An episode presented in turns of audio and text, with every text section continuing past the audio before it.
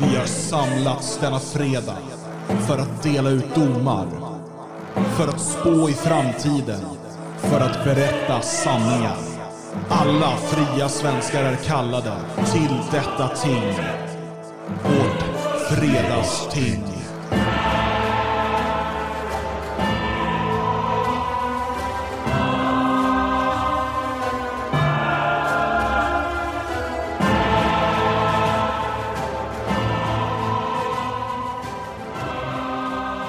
Då ska du återigen vara välkommen här till Fredagstinget. Det näst sista Fredagstinget innan sommaruppehållet. Idag är det den 21 maj och året är 2021. Samlade vid tinget idag är jag, Dan Eriksson, och det är Björn Björkqvist. Björn, vad ska du tala om vid tinget idag? Eh, jag kommer prata lite grann om vänstern och deras behov av um, smuts och äckel. Oj, ja, det låter som en trevlig fredag. um, men jag tänker passa på att själv ta plats vid tinget. Kära tingsdeltagare. När man talar om politik finns alltid massor av avvägningar att göra. En sådan är den mellan individuell frihet och maktens försök till makroförbättringar genom olika former av social ingenjörskonst. Det kan handla om allt ifrån lagar som reglerar försäljning av alkohol, tobak, narkotika och förverkerier till övervakning, straffsatser och resursomfördelningar genom skatteuttag. Och Det är också de här frågorna som framför allt diskuteras i Sveriges riksdag och på ledarsidor. Medan vi nationalister stått utanför och försökt förklara att invandrings och demografifrågan stått över detta. Att alla andra frågor är meningslösa om vårt folk trängs undan från sina bostadsområden och i slutändan byts ut. Och självklart har vi haft rätt. Men det har också gjort att vi under lång tid, framförallt i den moderna nationalistiska oppositionen, inte har talat speciellt mycket om vår syn på staten och individen. Visst, vi har haft med några pliktskyldiga punkter i våra principprogram, men allt för ofta har det varit något vi kanske kopierat från tidigare rörelser och inget som föregåtts av längre diskussioner eller som våra medlemmar varit speciellt intresserade av att diskutera. Jag menar att det här har varit hämmande för oss. Vi har inte blivit en politisk rörelse eftersom vi inte velat tänka politik. Vi har varit en proteströrelse, en lobbyrörelse som försökt få upp den mest brinnande frågan av alla på bordet. Vi har menat att de där sakerna kan vi bråka om sen när Sverige åter är svenskt. Och det finns såklart en god välmening i det. Men jag menar att det är en diskussion som måste vara levande redan nu. Precis som att vi måste kunna erbjuda alternativ redan idag som ger ett mervärde till de som väljer att bli en del av vår gemenskap, likt vi gör med Svenskarnas hus, behöver vi också kunna berätta om en vision och en världsåskådning större än bara det ska vara vitt. Om vi utgår ifrån att det finns två extremer i den här synen på staten kontra individen så representeras den ena av libertarianer som menar att individens frihet är absolut så länge den inte inskränker på någon annan individs frihet. Den andra extremen representeras av statssocialister som menar att individen alltid är underordnad det kollektiva som ska representeras av staten. Nationalister har ofta kunnat kategoriseras in under den tredje positionen. Och även om, den, om det är den mest rimliga positionen så är den inte särskilt väl definierad i Sverige. Och runt om i världen har den olika betydelser. Rörelserna kring Roberto Fiore, Nick Griffin och Derek Holland har skrivit många intressanta texter i ämnet. Men också Muammar Gaddafis tredje internationella teori har varit något som har diskuterats på kontinenten. Fler intressanta tredjepositionister för den som vill fördjupa sig i det hela och kanske framförallt förstå vilket brett paraply det är, är falangisterna i Spanien och peronisterna i Argentina. Även den svenska socialdemokratin under 40 och 50-talet kan, med lite god vilja, placeras in under tredje positionen. Även om man saknar en del viktiga element enligt den senare läran som växte fram kring tidigare nämnda Roberto Fiore. Jag tar upp det här idag för att jag ser oroande tendenser bland unga nationalister att man försöker, utan större förståelse, kopiera gamla paroller och begrepp medan själva idédiskussionen lyser med sin frånvaro. Man kan absolut argumentera för att den stora skiljelinjen idag inte går mellan individ och stat, utan mellan globalism och nationalism. Men det ena utesluter inte det andra. Tvärtom hänger de nästan alltid ihop. Stat måste i det här sammanhanget förstås som den nya klassens kontrollinstrument. Och den nya klassen är globaliserad och kommer därför alltid att driva på globaliseringen. En tredje positionism för vår tid behöver utarbetas. För även om principerna om det organiska samhället, familjens helgd, antiglobalism och subsidiaritet måste stå fasta, behöver vi också ta hänsyn till att världen ser radikalt annorlunda ut än för bara 40 år sedan. Inte minst tack vare internets framväxt. Genom det världsomspännande nätet är du inte lika beroende av din geografiska plats som du tidigare varit. Förr var du så illa tvungen att interagera med grannar och andra i ditt samhälle. Medan du idag kan ha din gemenskap med människor över hela världen och bedriva affärsverksamhet från ditt sovrum utan att grannarna ens har någon aning om det. Det här kommer obönhörligen förändra vår syn på identitet, stam, nation och gemenskap.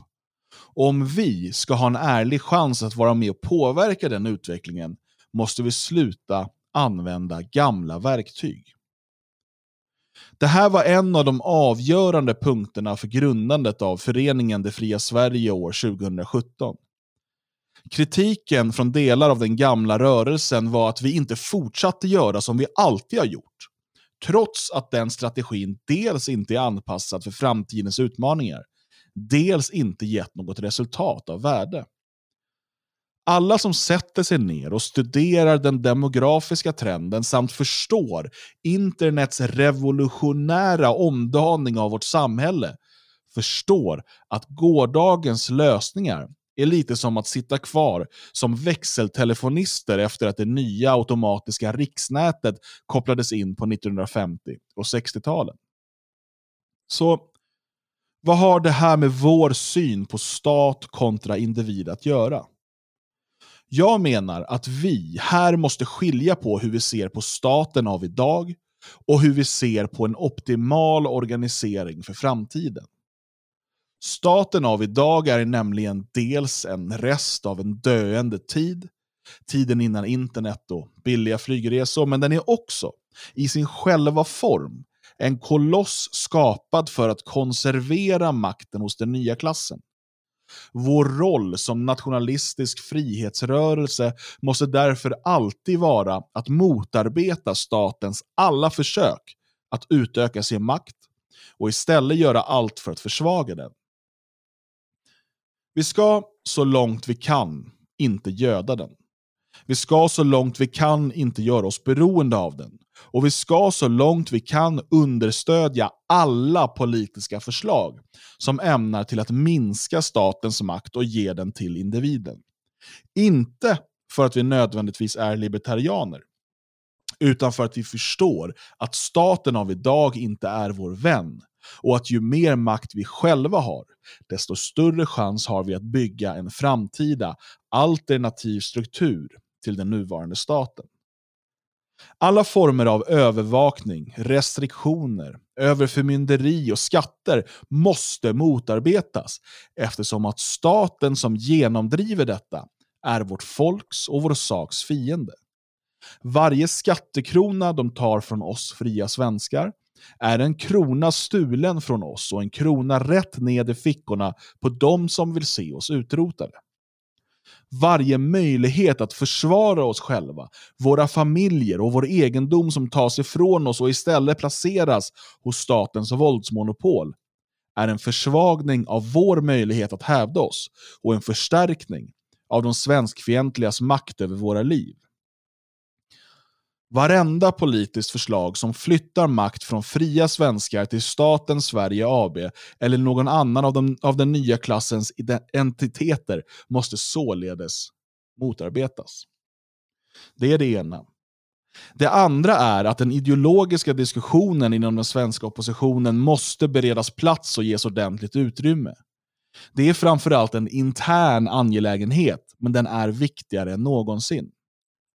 Medan det fria Sverige växer så blir framtiden för staten Sverige AB allt mer oviss. Så även om det är långt kvar och mycket kommer hända på vägen, måste de skarpaste av våra hjärnor ha forum där de träffas och diskuterar strategier, inte bara för de kommande åren, utan den kommande hundra åren.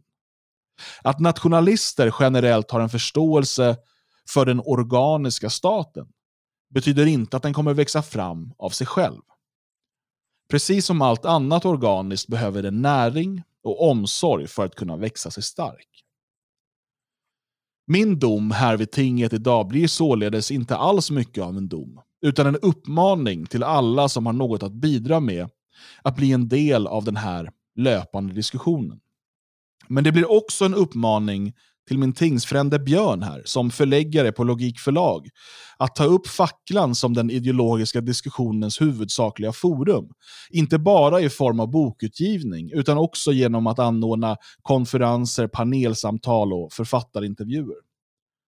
Men diskussionen får inte stå och stampa i gamla fotspår. Den måste ta sikte på framtiden, på den praktiska verklighet som väntar oss och diskutera lösningar för 2000 och 2100-talets problem, inte 18 och 1900-talets. För samtidigt som vi inte får förlora den ungdomliga geisten och glädjen kräver en livskraftig rörelse en livlig ideologisk debatt. Och jag tror att vi är mogna för den nu. Tack. Ja, nu blev jag dömd att göra massa grejer. Eh, och det får jag väl ehm, också försöka med i, i, i Logiks regi här framledes. Ehm, ja, först får jag säga att du har ju väldigt, väldigt eh, rätt i ehm, situationen som den är och, och vart vi står. Att vi är ganska, vad ska man säga, vi är ganska ideologilösa idag i, i alltså inte bara du och jag, utan hela, hela den nationella oppositionen är ganska ideologilös. Alltså det, somliga kallar sig för det ena eller det andra, men, men det saknar sällan något um, direkt djup och det saknar väldigt ofta uh, förankring i vår tid. Uh, en del är väldigt, väldigt inlärda på 1900-talsideologier och vet precis vad som vilka beslut som fattades 1938 och sånt där. Men, men ehm, det är väldigt svårt att applicera det på, på den tid vi lever i idag. Vi har en helt annan tid. Mm. Och Det är ett av, ett av de ursprungliga skälen till att jag eh, slutade betrakta mig som nationalsocialist. Därför att jag någonstans såg att de här gamla ideologierna de har inte utvecklats. De har suttit fast eh, sedan, sedan de förlorade kriget och blivit någon form av eh, museiföremål. Eh, och med det stora glappet som finns från den tiden till idag så är det väldigt svårt att bygga någonting nytt. Utan då är det bättre att inspireras av de gamla ideologierna och skapa någonting nytt. För det är också en, en, ta, eh, ja, en, en miss vi har, skulle jag säga. Eh, det är ju att vi har eh, väldigt dålig kunskap även om våra gamla ideologier. Det är ganska svårt att bygga en ny ideologi om man inte förstår de gamla och förstår deras sammanhang och sådana saker. Um, mm. Jag fick någon fråga vid något tillfälle när, när jag hade gjort något uttalande om, om varför jag inte var nationalsocialist när jag såg um, bevarandet av vårt folk som det absolut viktigaste för att det var bara nationalsocialismen som tyckte det. Uh, och så är det möjligen idag av de ideologier som är allmän spridda. Uh, men, men å andra sidan så har det ju inte alltid varit så utan bevarandet av, av sitt folk har ju en gång i tiden varit snarare en form av överideologi, ungefär som det demokratiska oket idag är. Mm. Um, och det, det, är ju dit någonstans jag vill igen. att, att, um, att uh, nationalismen ska vara en överideologi som plockas upp av alla uh, olika åskådningar. Mm. Ja, alltså jag tror att just det där med sammanhang är väl det avgörande. För att jag tror att en, en världsåskådning Um, den är nästan oberoende av tid. Uh, den är snarare liksom bunden till, till oss som folk och som ras och så vidare. Mm. Alltså hur vi ser på människor, eh, hur vi ser på plikt, hur vi ser på naturen och djur. Alla de här sakerna som, som är en del av en världsåskådning. Men ideologi och, och politik är ju någonting som kräver ett sammanhang på ett annat sätt. Och eh, där kan man ju, eh, om man då tittar på nationalsocialismen och fascismen när de växer fram på eh, framförallt 20 och 30-talet eh, under förra århundradet, eh, så växer de fram eh, som ett svar på dåtidens problem. Mm. Um, och, och vissa, vissa, av de problemen finns fortfarande idag, men, men väldigt mycket har ju också förändrats. Så att ska vi ha politiska svar, ska vi ha ideologiska svar, så måste ju de utgå ifrån de problem vi står inför idag. Om man bara tittar på om man säger att man, man känner att man är besläktad med nationalsocialisterna eller fascisterna världsåskådningsmässigt och så börjar man titta på deras politik och se att okej, okay, um, Hitler gjorde så här, eller Mussolini gjorde så här, eller Kodriano gjorde så här politiskt. Då måste det vara så vi ska tycka att det ska göras politiskt också. Men då måste man ju förstå varför, alltså vad, till exempel då Tyskland, vad, vad var det för en ett land efter dels första världskriget ehm, eh, och, och, dels eh, Weimarrepubliken och hur den hade påverkat dem kulturellt och vad behövdes därför eh, göras. Jag menar, när man talar om till exempel att eh, nationalsocialisterna privatiserade järnvägen. Mm. Det betyder ju inte att det måste vara någonting positivt. Alltså, då måste man fundera på varför privatiserar man järnvägen? Och där är det ganska naturligt att se att man eh, behövde få loss pengar fort för att bygga upp en stark krigsmakt. Mm. Eh, men det, det, är ju inte en... Eh, det betyder ju inte att det, det, då måste vi gå till val på att privatisera järnvägen, för det gjorde nationalsocialisterna 1936, eller vad det nu var. Mm. Um, och, uh, det går att ta massor av sådana exempel. Så att uh, när, när vi nu diskuterar politik och ideologi, um, så tror jag att det är avgörande, för det stora som har skett för oss, uh, det är inte som det var i början på 1900-talet, industrialiseringen och, och, och, krigen, eller framförallt första världskriget. Då. Eh, utan eh, det stora som har skett nu är internet. Och, och, och, vi lever mitt i det och mm. därför tror jag att många har svårt att förstå vilken effekt det har på dem som växer upp med internet som en självklarhet.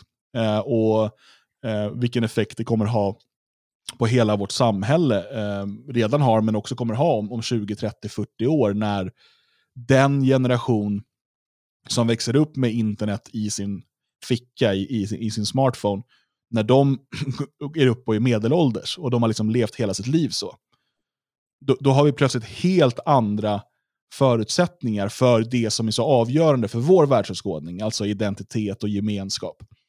Ehm, det, det, så att och när man då tittar på gamla verktyg eh, när det gäller strategier och, och, och politik och sådär, som till exempel demonstrationer, försök att eh, liksom, på något sätt då skrika vett in i människors sinnen, eh, så eh, bör man ju också se att det här är liksom grunden för det fria Sverige, att vi kommer inte, alltså den typen av identitet och gemenskap som fascismen och nationalsocialismen och så vidare försökte um, få folket att enas kring.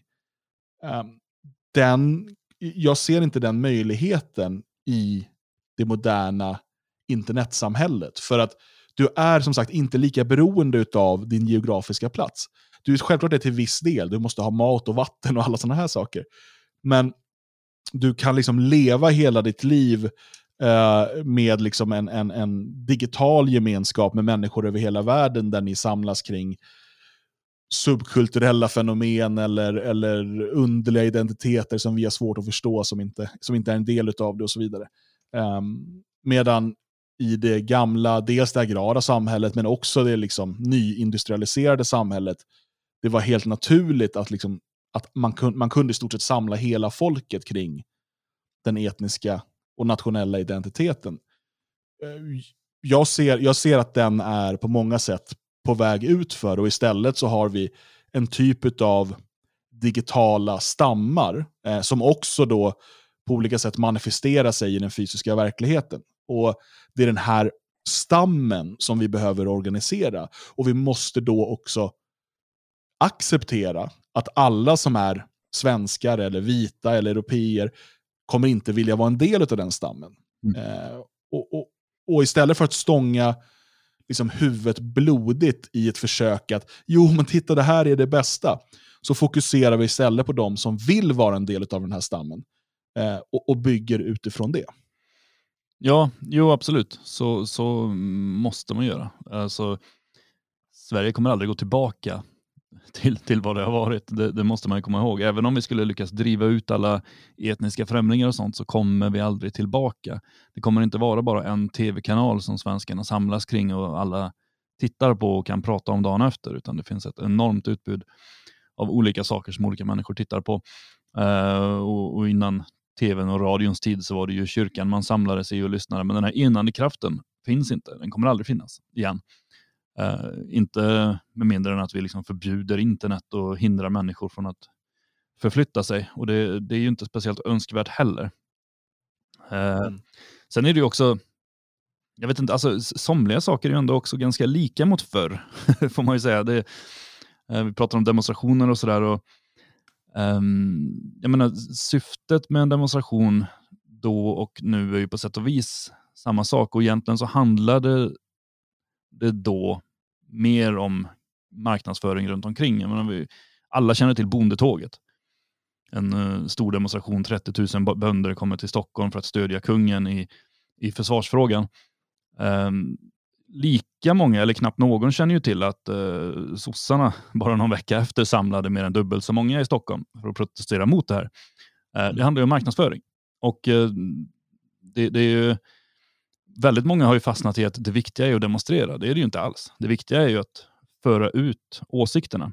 Eh, sen om man gör det med hjälp av en demonstration och bygger mycket omkring det, det, det, det är ju en sak. Men att tro att demonstrationen i sig är värd någonting, det har den aldrig varit skulle jag hävda. Utan det, det är ju hur man bygger någonting. Eh, nu kommer vi in på, på mer strategi än ideologi här. Men um, det finns... Jag kan säga att gånger då, då demonstrationer i sig har fyllt ett syfte, eh, skulle jag vilja påstå. Det är väl kanske så här måndagsdemonstrationer i DDR. Mm. Eh, där man varje måndag samlas, det blir mer och mer människor, fler som vågar visa sitt ansikte mot regimen, man får kontakt med andra. Eh, men det, återigen, det är också en annan tid då du inte kunde få kontakt med folk på så många andra sätt. Nej, men, um, Nej, men jag, jag, kan ju tycka till exempel att just nu så kan det fylla en funktion att gå ut och, och protestera mot uh, coronalagarna, därför att det är ju det mest handgripliga sättet man kan visa att jag bryr mig inte om era lagar, det är att gå ut när de säger att man inte får det. Mm. Uh, men, men det spelar ju ingen roll om det inte visas upp sen. Då kan man Nej, precis. Nej, men alltså, det, det är ju uh, en vilja att bryta igenom bruset. Och i det, uh, gör man en analys att det är det bästa verktyget så är det det man, man ska använda. Men vad tänker du om det här? Jag, jag var inne på det med hur vi ska se på politik idag. Alltså inte när vi pratar om våra visioner, för jag, menar att det här måste vara två separata saker. Mm. Um, och jag, jag, menar ju, och, och, det kan bli, jag, jag, förstår att för människor som inte är kanske är insatta i hur, hur, vi tänker kring det här, så kan det kanske verka som hyckleri. För att jag, jag skulle kunna liksom vara för en politisk förändring i den nuvarande staten mm. som jag inte skulle vilja se i framtiden. Eh, en diskussion som har blivit nu med anledning av eh, Centerpartiets ungdomsförbund och sådär, det är ju rörande LAS till exempel. Mm. Eh, och eh, jag kan liksom se en, ett framtida nationalistiskt sam samhälle med en stark anställningstrygghet.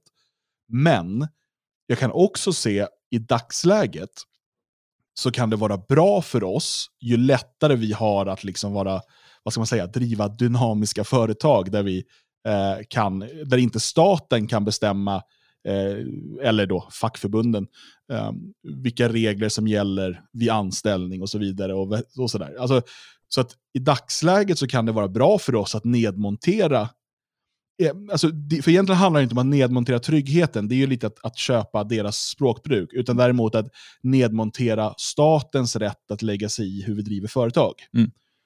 Eh, och eh, som sagt, i ett nationalistiskt samhälle kan jag se, liksom, om, om man märker att det liksom begås rovdrift på människor och så, eller natur eller vad det än är, så finns det absolut en anledning, tycker jag, för en stat att lägga sig och säga att nej, det där är inte, det där är inte acceptabelt. Så där behandlar vi inte människor eller natur eller vad det än är. Eh, men i, eh, eh i dagsläget så vill man ju minska statens makt över alla områden och då måste man ta en annan inställning. Och Jag tror att vi kan också motivera det genom att förklara att den här staten är illegitim. Och, och allt den gör, alltså vi, vi, vill ge den så lite makt och så lite inflytande och så lite resurser som möjligt. Och man, det är så man måste se på staten. Jag tror många eh, nationalister eller Sverigevänner som, som kanske har liksom börjat engagera sig de senaste åren och vaknat upp till invandringsfrågan och sådär, eh, de har ju fortfarande en naiv tro på liksom staten som vårt folks organisationsform. Mm.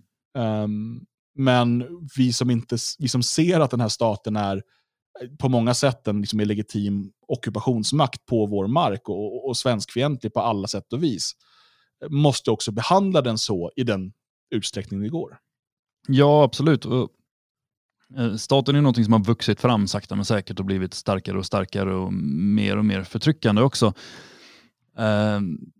Jag kan ändå se, om man tittar långt tillbaka, 1700-tal när eh, Karl XII, tror jag det var, eller var det Karl XI, ah, började um, beskatta alltså, fastigheter.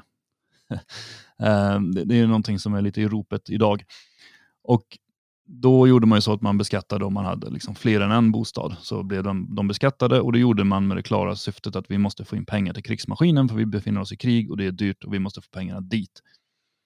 Um, idag så springer man ju bara runt och tokhöjer skatter och ingen talar om var de tar vägen. Utan det är ju bara ett, ett stort, stort svart hål som det hela tiden måste rasa in mer och mer pengar i. Och man, um, ibland skyller man på, eller man talar sällan om vad pengarna ska gå till, utan man kan möjligen tala om att nu måste vi straffbeskatta människor så vi inför skatt på plastpåsar eller på bensin eller på köp av nya bilar och sånt där. Um, man, man, har ju gjort det mer som ett, ett straffsystem för att tala om hur människor ska leva än, än att man talar om vad det här ska vi använda pengarna till. Och det tror jag dels är för att Dels för att man inte riktigt vet, ingen riktigt vet var alla pengarna tar vägen, utan det bara sluks upp. Alltså visst, det är lätt att peka på invandringen och sånt där och det är enormt kostsamt, men det finns enormt massa svarta hål och all, all byråkrati som har skapats genom århundradena har ju mm, hamnat i det här. Och det är ju där också någonstans som jag tänker att man måste vara lite försiktig när man hyllar 1900-talsideologierna, alltså fascism och nationalsocialism. För att de blev aldrig prövade ordentligt. Um, det, det, är ju klart att Tyskland började blomstra på, på ett årtionde där när, när Hitler tog makten och han kunde införa massa uh, nya lagar och olika skatter och förstatliga en del och sådär. Men, men hur hade det sett ut efter 70 år? Hur hade det fungerat? Alltså det, han var ju på väg att bygga upp en enorm byråkrati även han. Uh, som, som inte hade legat socialdemokratin långt efter tror jag. Så, så mm, det, det ju, nu står vi med resultat av socialdemokratin och kan ju lätt konstatera att ja, men även om den var hoppingivande för många människor för hundra år sedan så, så är det ju ett ok över befolkningen idag. Eh, och jag tror någonstans att, att i och med att nationalsocialismen inte är helt olik socialdemokratin eh, så, så, tror jag att den hade gått samma väg. Mm.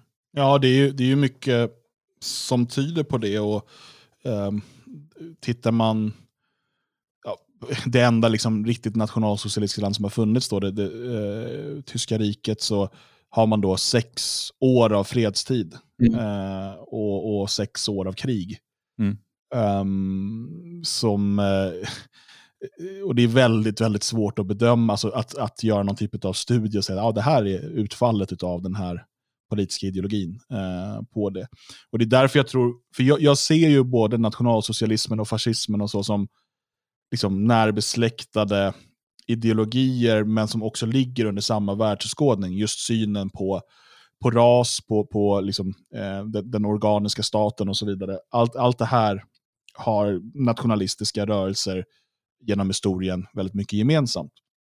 Eh, men när man går in på den politiska ideologin så eh, behöver vi, vi behöver ha eh, en debatt och en diskussion som framförallt rotar sig i de problem vi har idag, men kanske ännu mer de problem vi ser komma om 50 eller 100 år.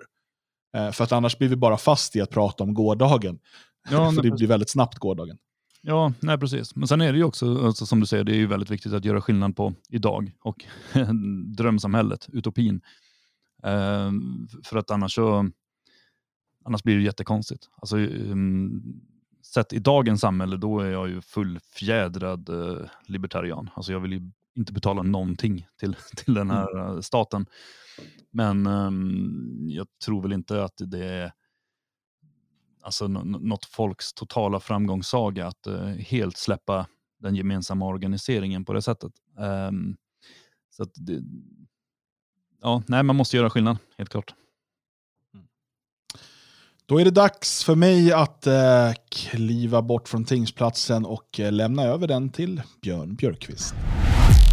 Tack. Eh, nyligen så blev det ganska stor uppmärksamhet kring en broschyr från RFSL som eh, hade spridits till barn i mellanstadieålder. Det var ett häfte som heter Sex och trans. Häftet eh, har en, eh, ja, det har ett lite försiktigt omslag. Jag har äntligen hittat den. Jag har hållit på och letat eh, en tid. Man har sett groteska bilder, men jag har inte kunnat se hela, hela skriften. Och nu har jag hittat den då. Och det, det är ett litet ehm, försiktigt omslag med bild på några frukter. Eh, men öppnar man, och det ska man ju göra med, med häften, så redan på sidan två så hittar man att de har skrivit könsord och andra intima ord med mängder av synonymer. Och jag vill här då passa på att påpeka att om ni har barn som sitter här och lyssnar så bara stäng av. Eh, mina iakttagelser idag är inte barnvänliga. Tvärtom så ska jag undersöka vänsterns inre väsen. Det som uppmärksammats i det här häftet det är de här groteska teckningarna. Fula män och kvinnor i olika sexuella aktiviteter. Det är lite synd på så sätt att eh, bilderna stal fokus från det minst lika groteska textinnehållet. Barnet som fick, eller barnen som fick eh, skriften de fick eh, bland annat lära sig att man inte ska köna någon. Ehm, det, det vill säga att man inte ska utgå från att en person man möter identifierar sig med det kön som han eller hon är. Det kan ehm, därför vara viktigt, menar man, att diskutera med sin partner om vilka ord man använder, förklarar de. Och ehm, jag ska citera lite grann ur den här skriften. Det som medicinskt kallas penis och pung kan benämnas eh, klitoris respektive eh, blygdläppar eller kanske yttre fittläppar. En eh, slida kan kallas rövhål eller bonushål. Kanske är det som läkaren kallar för klitoris en kuk. Och kanske är en penis en strap-on som sitter fast väldigt bra. Självklart kan man eh, också vara kille med fitta eller tjej med kuk. Hur kroppsdelar ser ut eller benämns säger inget om ens kön eller könsidentitet. Däremot kan det vara avgörande för bra sex att ens eh, kropp benämns på ett sätt som känns bra för en själv, Slut citat. Och jag poängterar för nyinkomna lyssnare som precis har satt på att det här var alltså ett citat, inte något jag själv har skrivit. I det här lilla häftet då som eh, sprids på skolor så får barnen också lära sig om eh, stoppord, könsidentitet, analsex, fisting och så vidare. Mm. Skriften eh, avslutas sen med ännu en hel sida med underliga omskrivningar för könsorgan och annat. Allt det här inramas med de eh, groteska teckningarna som många har sett. Och Det är egentligen teckningarna som jag ville fokusera på från början när jag, när jag började söka efter det här. Eh, de är fult ritade. de föreställer genuint fula människor av alla raser. Varje gång som eh, det är flera personer på en bild så har de naturligtvis olika hudfärg. Förutom att det här häftet riktar sig till unga människor och genom eh, skolan då fått eh, spridning till ännu yngre barn så är det väldigt, väldigt talande. För den här skriften visar allt som vänstern är. RFSU är en del av den moderna vänstern. Man anammar och sprider allt som är vänster. Rasblandning, förflyttade gränser, fulhet, groteskhet, smuts och avståndstagande mot allt som anses normalt.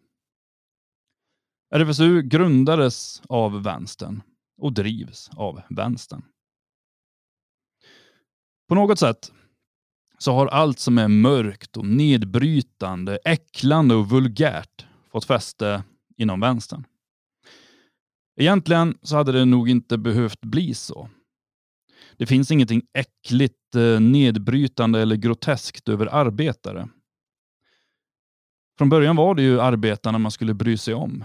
Socialismen talade om proletariatet och arbetarnas resning.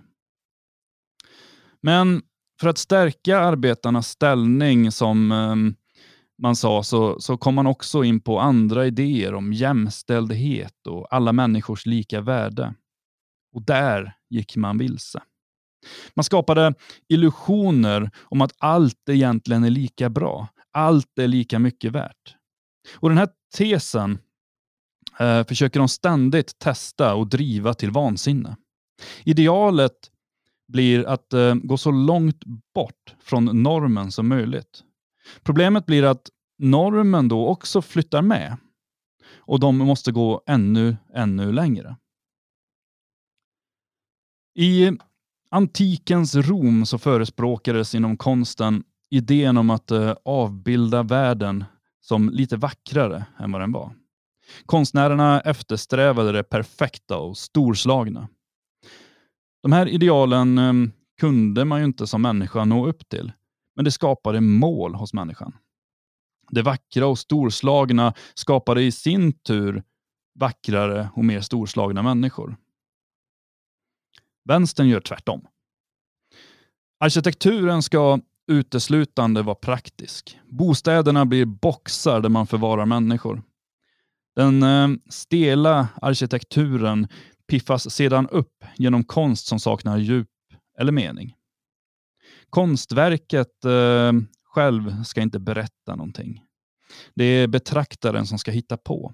Till det yttre så är det någon idé om att skapa fritt tänkande, men egentligen handlar det bara om att eh, premiera det dåliga. En vit duk som det inte målats alls på eller en tavla bestående av kludd ska tittas på och funderas över. På marknaden så trissas de här priserna upp på de här typerna av konst och blir än dyrare än konst som berättar något. Konst som man kan se vad det är. Modern konst ska inte vara vackert. Det ska inte vara upplyftande. Det ska vara konstigt och ingen ska få prata om vad som är bra eller dålig konst. Ingen ska få lov att säga att några streck på en riven duk är dålig konst. Istället så har vi uppfostrats eh, med att eh, det är vi som inte förstår konst. De som pluggat eh, konst på högre nivå, de förstår storheten i fult och intetsägande klotter. Vi andra vi gör bäst i att hålla tyst. Eh, eller möjligen läsa vad de insatta tycker och sen säga likadant. Men det är inte konst. Konstens syfte har aldrig eh, varit att vara obegriplig för folkflertalet. Konst ska provocera, säger de. Men varför då? Och hur kommer det sig att de som säger det aldrig blir provocerade av den konst de säger ska provocera? Och Det är samma sak med musiken. Naturligtvis sprider man eh, standardiserad skräpmusik i sina kanaler, men eh, man brinner ändå lite extra för dålig musik. Det ska gärna vara svårspelat för att lägga tyngd på hur viktigt det är. Svårspelat, men dåligt. Vi ser mycket av det här i jazzen som växte fram, eh, där man pratar om improvisation och avancerad harmoni. Folk ska stå och spela varsin melodi i olika tempo. Eh, som lyssnare ska du förstå spelglädjen och du ska förstå hur svårt det är och därför tycka om det. Att det är dåligt och skapar kaos i skallen på lyssnaren, ja, det är väl en bonus. I litteraturen såg vi hur man lyfte fram författare som James Joyce. Alltså flummig konst, flummig musik, flummig litteratur. Allt ska utmana och testa gränser. Inte minst inom sexualiteten. Och där passar RFSUs broschyr alldeles, alldeles perfekt. Vi såg nyligen eh, bilder från när polisen slog till mot ett hus som hade ockuperats av vänstern i Tyskland. Jag tror det var Berlin. Eh, man har nog aldrig sett på maken till smutsighet. Skräp, trasiga saker, låg smuts, alltså låg i drivor överallt. Kök och toalett och sånt var oanvändbart för att de hade smutsat ner så mycket. De hade sprayat på väggarna. De ville leva i kaos, i smuts, i dekadens. Man kan också se på eh, de stilar som frodas inom vänstern. När arbetarrörelsen i unga dagar klädde upp sig i fin kostym när de skulle ut och demonstrera, så väljer dagens vänster att klä ner sig. Man har anammat eh, dekadens och fulhet som ideal. Inspirationen tycks eh, hämtas från såväl uteliggare som prostituerade. Man ska se sjuk, fattig, trasig, billig och äcklig ut. Jag har ibland funderat över utvecklingen av Andra Långgatan i Göteborg. Gatan gick från att vara något av ett judiskt getto till att idag vara en gata där man hittar kommunistiska lokaler och strippklubbar. En intressant utveckling som jag bara nämner i bisats då jag inte har forskat klart i det här. Det finns mycket att säga om vänstern, men utan tvekan har de gått fullständigt vilse. Idén om att alla är lika mycket värda har rört till det på ett sätt som är skrämmande. Konstnären och nationalisten, skribenten Henrik Jonasson, han brukar framhäva att man ska omfamna det fula hos människan. För det fula är också en del av vårt folk och jag, jag håller med. Vi ska se oss eh, för vad vi är. Men det fula, och framförallt det förfulande, ska inte upphöjas till ideal. Det ska inte vara en målsättning. Att sträva eller att acceptera och även lyfta fram det naturligt fula är inte samma eh, sak som att medvetet förfula. Så det jag vill ha sagt idag är att eh, tanken om allts lika värde nonsens och humbug och att det ehm, snarare leder till att vi förfulas och förstör vad vi har. Tack.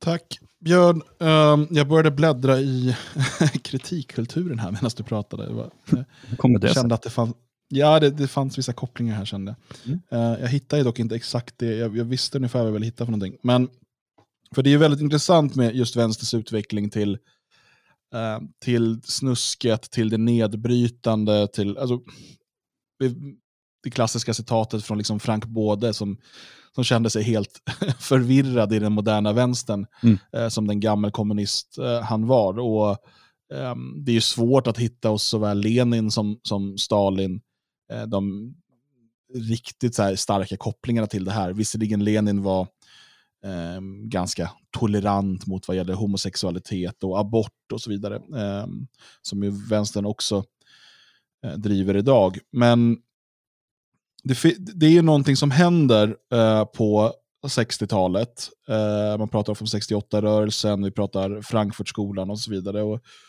Frankfurtskolan eh, brukar väl, och, och, det som då kallas för kulturmarxism, brukar väl populärt beskrivas som en blandning av marxism och eh, psykoanalys. Alltså eh, Fre mm. Freuds tankar kombinerat med Marx teorier. Och, eh, I eh, kritikkulturen så skriver professor Kevin MacDonald om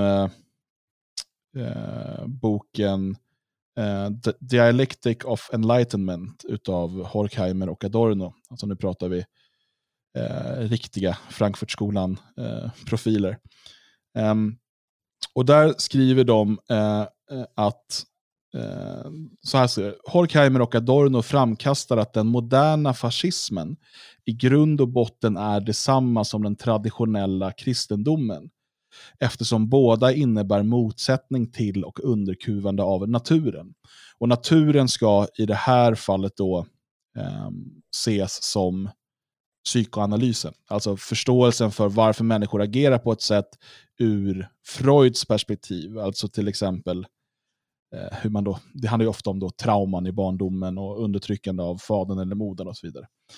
Eh, men det jag tycker är intressant med det, det är ju att om den moderna vänstern, eh, och det vet jag att den är, till stora delar är inspirerad utav Frankfurtskolan, även om det finns många sen senare tänkare som bygger vidare på det här.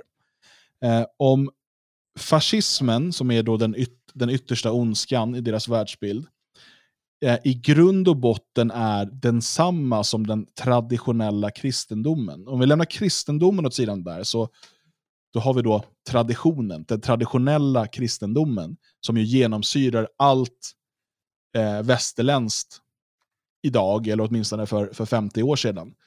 Eh, och om den behövs brytas ner för att fascismen inte ska kunna uppstå. Um, där skriver ju också Adorno och Horkheimer skriver ju också att eh, antisemitism, som ju då är den yttersta ondskan såklart, eh, som är den grund för fascismen, eh, den eh, sammanhänger med vad man kallar då icke-judiska rörelser för nationell sammanhållning. Mm. Um, så att för att motverka fascism, för att motverka antisemitism, de här begreppen vi har liksom betingats likt Pavlovs hundar att liksom lära oss det här är den yttersta ondskan, så måste vi bryta ner den traditionella kristendomen. Och med den traditionella kristendomen så är det bara, det kan direkt översättas i det här fallet till eh, liksom västerländsk tradition, moral och så vidare. Och då Ja, när man förstår att, att vänstern är så influerad av det, så är det ju inte så konstigt att man då vill förstöra, förfula och så vidare. Allt som är traditionellt vackert i västerländskt eh, hänseende. Eh, eftersom att det i sin tur är en antifascistisk handling. Mm. Jo, nej men precis. Och det, eh, att man talar om, om den traditionella kristendomen är ju för att man har verkat i Europa här. Nu har man ju börjat rikta blickarna mot Asien och då är det ju annat traditionellt man ska bryta ner. Så, så det, det, är ju allt som är traditionellt egentligen. Allt som är ursprungligt och allt som är eh, ja, men sprunget ur folken vill man ju mm. förstöra. Mm. Men när du citerar ur den här uh, skriften så det var blir ju... Ja, och jag, jag sitter och undrar, vem tusan skriver sånt här? Alltså vem sitter på sin kammare eller sitt kontor och skriver ner alla de här könsorden ja. och tycker att nu gör jag något bra. Någonstans, eh, jag menar jag är inte så pryd av mig, man, man, kan ju få säga fitta om det passar sig. liksom. Men eh, det, det, är ju inte... Eh, det låter ju nästan som en, en neurotisk människa som, som du vet ska eh, skriva ner sina eh, galenskaper där. Mm. Ja, absolut. Det det är ju grotesk läsning och jag kände när jag läste upp det att det blev ju ännu värre i tal. Vad är det jag står och säger? Innan kunde jag mest klippa ut det och knappt läsa det, men det var, det var obehagligt. Men nej, men det, det är ju jättekonstigt och eh, man skulle vilja se människan som skriver det. Liksom, är det en gammal gubbe, då är det ju riktigt äckligt. Ja, jag vet inte om jag vill se den människan faktiskt. Jag har en känsla av att det ser ut ungefär som på de där bilderna i, i skriften. Um, men uh, om man säger så här då, vad, uh, vad blir egentligen vårt svar på det här? Vi, lite det jag var inne på är att det här är ju självklart, det här är en av anledningarna till att vi inte vill att den här staten ska ha några resurser. Uh, för då den producerar sånt här. Mm. för det, är ju, det här är ju statsunderstödd. alltså RFS, är det RFSU var det va? Mm. Eh, jo, men visst, de lever samma saker överallt. Liksom, den här tunnelbanekonsten som har uppmärksammats, det, det är ju precis samma typ av bilder som mm. ut i offentligheten. Mm. Um, så det är ju en sak, men jag tror att det stora, det stora arbetet för oss här, det är ju uh, motkulturen. Mm. Alltså att, att lyfta upp det vackra, eh, och, och liksom det konstruktiva och så vidare. Och, eh, det här, du, du nämner Henrik Jonasson och, och, jag tycker också absolut att han har en poäng. Men jag tycker också att det finns en ännu större poäng eh, att faktiskt fokusera vår kraft på att lyfta fram eh, skönhet, eh, heroiska ideal och så vidare. Även om de är ouppnåeliga, även om de är på många sätt en teater och även om vi bara är människor med alla fel och brister och vi, vi liksom, kanske inte, väldigt få av oss kommer kunna nå till de idealen. Så det, den eh, världsordningen eh, där man eh, sätter upp stora vackra ideal att sträva emot, menar jag är mycket bättre för oss människor än en som en, en likgiltig eh, människa som är såhär, jo men vad fan, jag är ju ful och fet och, och, och otrogen och, och kollar porr och sådär. Det är helt okej okay för att vi alla har våra fel och brister. Eh, och, och, för att stannar man där, då, då jag tror att det då, då, då slutar också vi, eh, liksom, svenskar och europeer att vara de vi är. Alltså den här faustiska andan, liksom, där, där, där vi hela tiden vill förbättras och se vad som är bortom nästa hörn och, och, och så. Och för jag tror att det är avgörande för att vårt folk och vår ras ska kunna fortsätta utvecklas. Jo, ja, men det håller jag med om. Absolut. Och det, eh, jag vet inte, jag känner ju ofta när, när jag läser det Jonas som skriver att han vill ju ställa, alltså sätta saker på sin spets. Ehm, men så, det, det, jag menar när jag, när jag håller med honom och som jag tror att jag förstår honom, det är ju att alltså, hylla alltså de, de, det naturligt fula som egentligen, alltså som, vi, som egentligen inte behöver vara fult heller. Medan eh, alltså, fetma och sånt är ju någonting vi skapar, det, det är ju ingenting att hylla. Eh, liksom, sjukdomar är ju ingenting att hylla. Eh, men jag menar att, att, folk har, jag vet inte, eh, ansikten som inte är helt symmetriska till exempel. Man kan ju hitta en, en skönhet i det som även anses vara fult så att säga. Mm. Det, naturligt, det, det naturligt skapade. Medan eh, alltså, det man skapar medvetet fult är någonting annat. Mm. Ja, ja, så är det helt klart. Och en annan viktig sak här, för det här är ju något som då har spridits i skolor, den här skriften. Mm. Um, och här har ju vi som föräldrar en, uh, alltså en sån oerhört viktig roll att spela. För att vi kan inte, alltså vi kan inte skydda våra barn från att de aldrig ska kunna liksom ta del av det här. Uh, för dels har vi skolplikt och dels har de kompisar som gärna visar sånt här. Det är ju spännande, jag fattar ju det också. När man är typ 12 och hittar det här och bara kolla på de här bilderna. Det är klart att det sprids. Och det är precis som att det är svårt att ha 100% koll på vad ens liksom, tonåringar tittar på på nätet och sådär. Mm. Uh, men vi har ju en stor uppgift i att Eh, tala med eh, våra barn om det eh, och liksom för, försöka hålla ett, liksom ett vakande öga och se på vad är det för något de får ta del av i skolan idag, den här typen av intresse. Um, och framförallt då, när det är möjligt. Jag menar, vi tycker inte om att liksom försöka påverka åttaåringar politiskt, men liksom när de blir tillräckligt stora att liksom kunna erbjuda dem alternativa gemenskaper och, och en annan syn på, på livet och världen. Ja, absolut. Och alltså, nej, jag, jag tycker inte heller om att påverka barn med mina tankar och sådär. Men man börjar inse någonstans att man måste. För, för att mm. eh, samhället gör allt vad de kan. Redan från dagisålder så sätter de igång med sina projekt för att barnen ska tycka rätt. Och Sen pågår det liksom under hela skolan och man ska ha värnplikter. Det ska pågå liksom ytterligare några år. Så att från att barnet är ett år eller när folk brukar sätta barnen på, på dagis till, tills de ja, har gjort klart sin värnplikt när de är 20 så ska de påverkas konstant, konstant, konstant. Sen kan de börja tänka själva, men det kan de inte för att då är de så pass indoktrinerade så att, eh, då, då blir de ju bara skrämda om de ser någonting vackert eller någonting bra. Mm. Ja, det är en, eh, en stor uppgift vi har framför oss, ehm, helt klart. Och att eh, vänstern står för det fula, det destruktiva, det nedbrytande, det, det tror jag att vi alla kan vara överens om.